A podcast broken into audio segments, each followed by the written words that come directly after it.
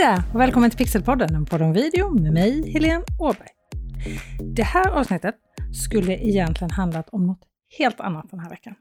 Jag har planerat och faktiskt också spelat in ett avsnitt om produktvideos. Hur du presenterar din vara eller din tjänst med hjälp av video. Det här är ju en av de fem videos som jag tycker att alla företag borde ha, oavsett bransch, oavsett nisch, oavsett storlek på företag. Men det avsnittet får komma nästa eller nästnästa vecka, för jag vill prata om något helt annat den här veckan, nämligen källkritik. Med krig i Europa som känns fruktansvärt, så känns källkritik av bilder, video och information i allmänhet viktigare än någonsin tycker jag. Och det här är ett ämne som jag kan prata länge om. Jag ska försöka begränsa mig under det här avsnittet, jag lovar, men det här är så viktigt. När jag pluggade på högskolan på mitten av 90-talet så skrev jag en uppsats om just källkritik och hur jag tyckte att man i skolan skulle ha ämnet mediakunskap. Att det skulle finnas med som ett eget ämne i skolplanen. Jag föreslog då att man skulle ha det på högstadiet. Idag hade jag nog sagt att man skulle ha det mycket tidigare än så. Eleverna skulle lära sig mycket mer om källkritik, om att tolka nyheter och information, lära sig att se om bilder och video och så vidare var äkta och, ja, och så vidare och så vidare och så vidare. Och jag måste säga att jag tycker det är ännu viktigare idag. Gissa om jag pratar hål i huvudet om det här med mina barn. Och ja, jag blir superglad varje gång de kommer hem och berättar att de har pratat om det här i skolan. Men jag tycker att det är så viktigt att de borde prata ännu mer om det. Jag tycker fortfarande att det borde vara ett eget ämne. Det blir lätt så att man säger att det här med att manipulera bilder och så är något som kommit med digitaliseringen. Men det är ju viktigt att komma ihåg att det här med manipulerade bilder är ju långt ifrån något nytt. Fotografi har liksom haft en hög status som sanningssägare, men nog har de manipulerats alltid. Ändå har många känt, kan du se det på bild, så är det sant. Och den känslan finns fortfarande kvar hos många av oss. Tyvärr är det ju inte så enkelt att bara för att vi ser det så är det sant. Både video och bilder kan enkelt manipuleras och det kunde man redan på 1920-talet. Grundaren av Röda armén, Lev Trotskij, var till exempel en av Lenins förtrogna. Men när han sen gick emot Lenins efterträdare Stalin togs han helt enkelt bort från fotografier när han var på samma bild som just Lenin. Och det finns massor med sådana här exempel. Hitler tog ju till exempel bort Goebbels och vissa bilder. Bilder och video som sanningssägare är inte helt enkelt. Samtidigt som man verkligen kan se och förstå saker när man ser det på bild och video, så finns det ju många olika sätt att manipulera dem. Dels sådana här rena manipulationer som de som Hitler och Stalin gjorde och som också görs idag. I vissa branscher kallas det retusch, när man lägger till eller tar bort delar av bilden. Det kan man också i vissa fall se som ren manipulation. Sen ska man ju komma ihåg att en bild eller en video visar ju bara just det som hamnar framför fotografens kamera, eller det som fotografen väljer att ta med på bilden eller på videon. Hur det ser ut vid sidan om eller bakom, det visar ju inte bilden. Och sen finns ju dessutom aspekten, visar bilden det som det hävdas att den visar? Det är ju också en typ av manipulation.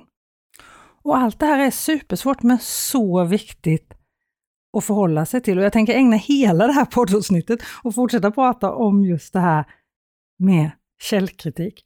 Du kanske har sett i sociala medier, eller i traditionella medier också för den delen, att det har blivit ganska uppmärksammat att vår tidigare statsminister och även utrikesminister Carl Bildt delade en bild på två barn som står hand i hand på Twitter. Det ena barnet håller ett gosedjur och det andra gör honör till ukrainska stridsvagnar. Och du kan, om du inte sett bilden så länkar jag till Carl Bildts Twitterinlägg i det här avsnittet show notes, eller webbsida heter det kanske på svenska pixelhouse.se avsnitt 89. pixelhouse.se avsnitt 89. Där hittar du en länk till Carl Bildts Twitterinlägg. Och den här bilden på barnen och de ukrainska soldaterna, det delade Carl Bildt i ett Twitterinlägg ett par dagar efter att Ryssland gått in i Ukraina i en ström av andra inlägg som han delade om det här kriget med texten “There are photos that will be with us for a long time”. Det var bara det att bilden hade redan varit med oss en lång tid. Den bilden publicerades för flera år sedan första gången. Det är en gammal bild. Den har ingenting med det nuvarande kriget att göra. Dessutom är den kritiserad redan då när den publicerades första gången för att vara stagead eller arrangerad.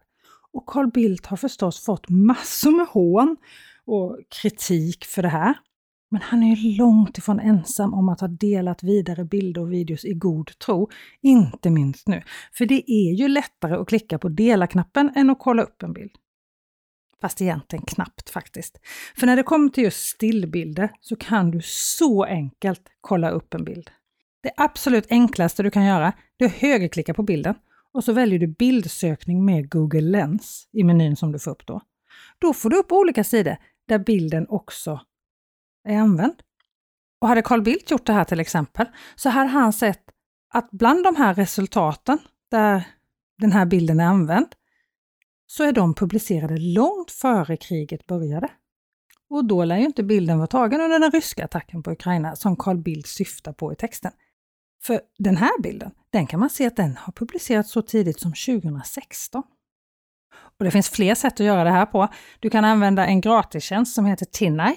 Du hittar en länk till den också på det här avsnittets webbsida, pixelhouse.se avsnitt 89. Och för att använda den här tjänsten så måste du först spara ner den här bilden som du vill kolla upp och sen ladda upp bilden på Tinai. Sen tar sidan fram vad bilden har använts tidigare. Och det här är en tjänst som jag brukar använda om jag ska använda som stockbilder från bildbyråer eller så gratisbilder och inte vill välja en bild som alla andra använder. Och här ser du också var bilden har publicerats förut och i allra bästa fall så kan du härleda den hela vägen till originalet. Så jag tycker Tina är en superbra sida för de som vill se sanningshalten i bilder som cirkulerar på nätet. När det kommer till video så är det inte riktigt lika enkelt och snabbt att faktakolla tyvärr. Både text och bild är mycket lättare att googla och använda olika tjänster som Tinna då till exempel. Men det finns några tjänster för video också. Det finns till exempel ett Chrome-tillägg som heter Invid. I-N-V-I-D. Där kan du länka till en video på Youtube, Twitter eller Facebook så får du mer information om den här videon. Då kan du se liksom info om uppladdarens konto via Invid så kan du se om kontot precis är nyöppnat. Det kan ju vara en varning till exempel. Om det inte är ett helt nytt konto så kan det vara bra att se vad det här kontot har laddat upp tidigare. Verkar det finnas en dold agenda här? På Invid kan du också ladda upp videos, alltså själva MP4-filmen. Och har du den filen, då kan du få information om videons metadata och så här. Eller bildens för den delen, för den här sidan kollar upp bilder också. Och även Amnesty International har en enkel sida där du kan klistra in en länk om det är en Youtube-video du vill kolla upp och vill granska, så kan du se information om videon som du kan använda för att se hur trovärdig den är. Och ja, jag länkar förstås både till den här sidan, Amnestys sida, och var du hittar Chrome-tillägget invid. Och har du fler tips på tjänster för att kolla upp videos äkthet så mejla mig jättegärna på helene pixelhouse.se Helene pixelhouse.se Jag vill verkligen hitta alla bra sajter eller tjänster för det här, för att jag tycker det här är så viktigt.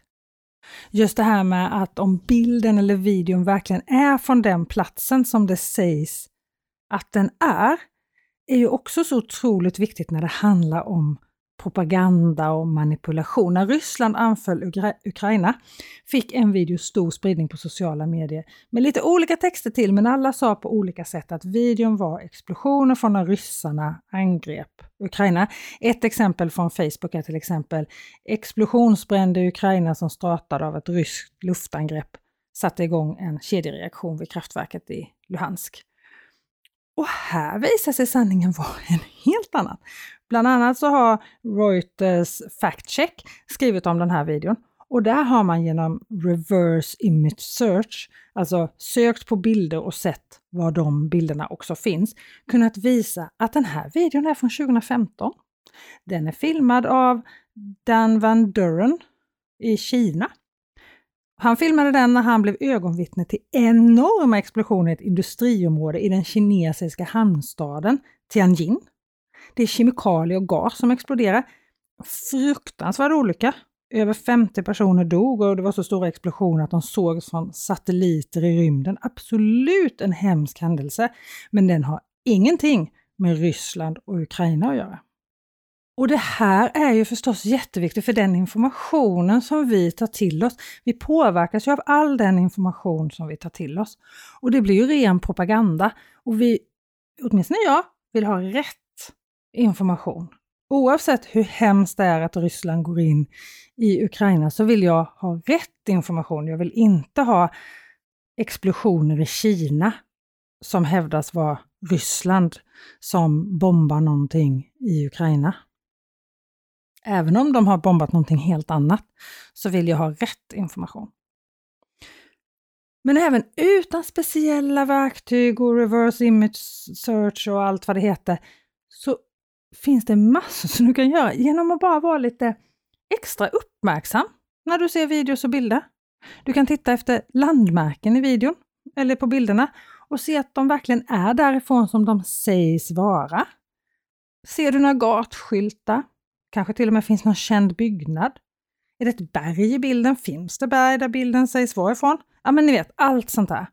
Det är skrämmande ofta som bilder och videos publiceras och så ser man tydligt att Galtskyltarna är på ett helt annat språk med helt andra typer av bokstäver än vad man använder i landet som filmen eller videon sägs vara ifrån. Man kan ju då gå vidare om man vill och använda Google Earth eller Wikimappia som kan vara användbart om du vill se om det verkligen ser ut så på platsen som videon sägs vara ifrån. Stämmer Google Earths bild av platsen och videons bild av platsen, stämmer de överens? Du kan fortsätta ännu längre, du kan ladda ner videon och kolla på den i slow motion. kan man göra med gratisprogram som VLC om man inte har ett redigeringsprogram. En del videospelare ger ju också möjlighet att redan direkt på sajten där du ser videon, se den i lägre hastighet. Och om videon har manipulerats så är det ofta mycket lättare att se det om man spelar upp videon i slow motion. Är det något som ser konstigt ut? Ändras plötsligt ljus, färger? Går personer plötsligt i en annan hastighet? Verkar något vara tillagt, borttaget? Ja, men tittar man noga så kan man upptäcka mycket konstigt. Och du kan gå ännu längre. Verkar tiden stämma när det sägs att filmen filmades? Om det går att se skuggor i videon, vilken riktning går de åt? Stämmer det med den tiden på året som sägs att den är filmad? Det finns ju massor av verktyg som du kan kolla solens riktningar. Sunkalk.net är en sån sida till exempel. Sen är det säkert någon av er som tänker, men vad fasen, det är bara att kolla videons metadata så får du ju massa info så vet du var den kommer ifrån. Tyvärr så tar flera sociala medieplattformar bort just metadatan, alltså informationen om grundfilen, när någon laddar upp den. Det är jättedumt av just den här anledningen att det är svårare att söka fram grundvideon till det här. Så jag undrar ju lite om det verkligen kommer fortsätta vara så. Men nu är det i alla fall så att flera sociala medieplattformar tar bort just den här datan. Men de lägger massa tid oavsett om det är att kolla metadata eller om det är att kolla skuggor eller platser eller använda olika verktyg varje gång du ser en video eller bild. Det är ju inte riktigt görbart, eller hur? Den tiden har vi ju inte. Men du har tid att ha ett allmänt kritiskt tänkande. Och det gäller förstås till all information, till video, till bilder, till texter. när du väl fattar misstanke om någonting sen, då kan du gå vidare och göra allt det här andra som jag har pratat om nu. Men tänk kritiskt. Varför har det här publicerats? Många så kallade fake news spelar ju oftast hårt på våra känslor. Du ska chockas eller du ska bli arg. Varför ska jag bli det? Vem kommer det här ifrån? Vad har han eller hon för agenda?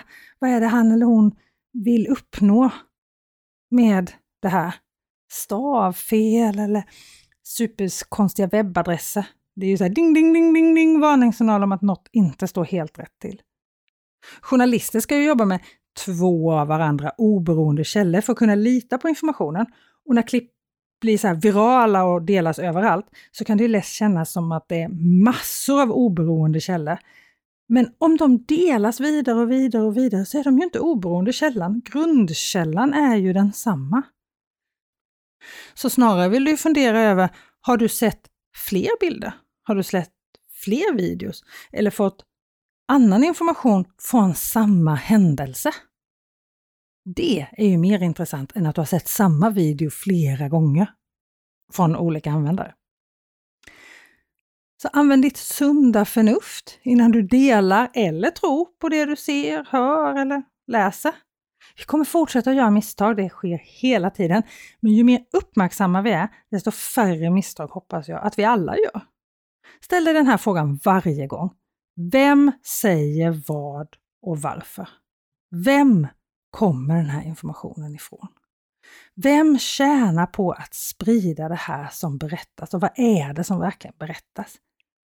Och varför gör de det? Hur vill den som berättar det här att jag ska reagera?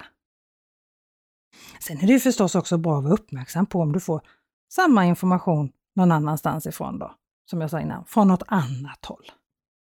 Och vill du läsa mer om källkritik, och jag hoppas ju förstås att du vill det, för det här är så otroligt viktigt tycker jag, så hittar du bra info på MSBs hemsida och där tar man upp aspekter som äkthet, tid, hur lång tid har det gått mellan vittnesmålet och själva händelsen, beroende, alltså den som berättar det här, är den beroende av något? Finns den i en beroendeställning eller är det flera olika källor? Tendens? Finns det något som tyder på att källan har en agenda eller driver en tes? Och jag är övertygad om att vara källkritisk, det är ett sätt att värna om något av det viktigaste vi har, demokratin. De som försöker slå sönder ett fritt samhälle, de vill sprida lögner och propaganda. Och det här händer ju hela tiden, nu under krig förstås, men i övrigt också i samhället. Det finns ju många som tjänar på att skapa olika konflikter i samhället och göra dem större och som vill påverka oss åt ett visst håll eller efter en viss agenda. Så sunt förnuft, okej? Okay? Med det sagt så hoppas jag verkligen att det här fruktansvärda kriget tar slut och att alla modiga ukrainare får leva i fred i sitt land. Nästa vecka är Pixelpodden en podd om video tillbaka. Hoppas att vi hörs då. Ha det så bra till dess. Hej då!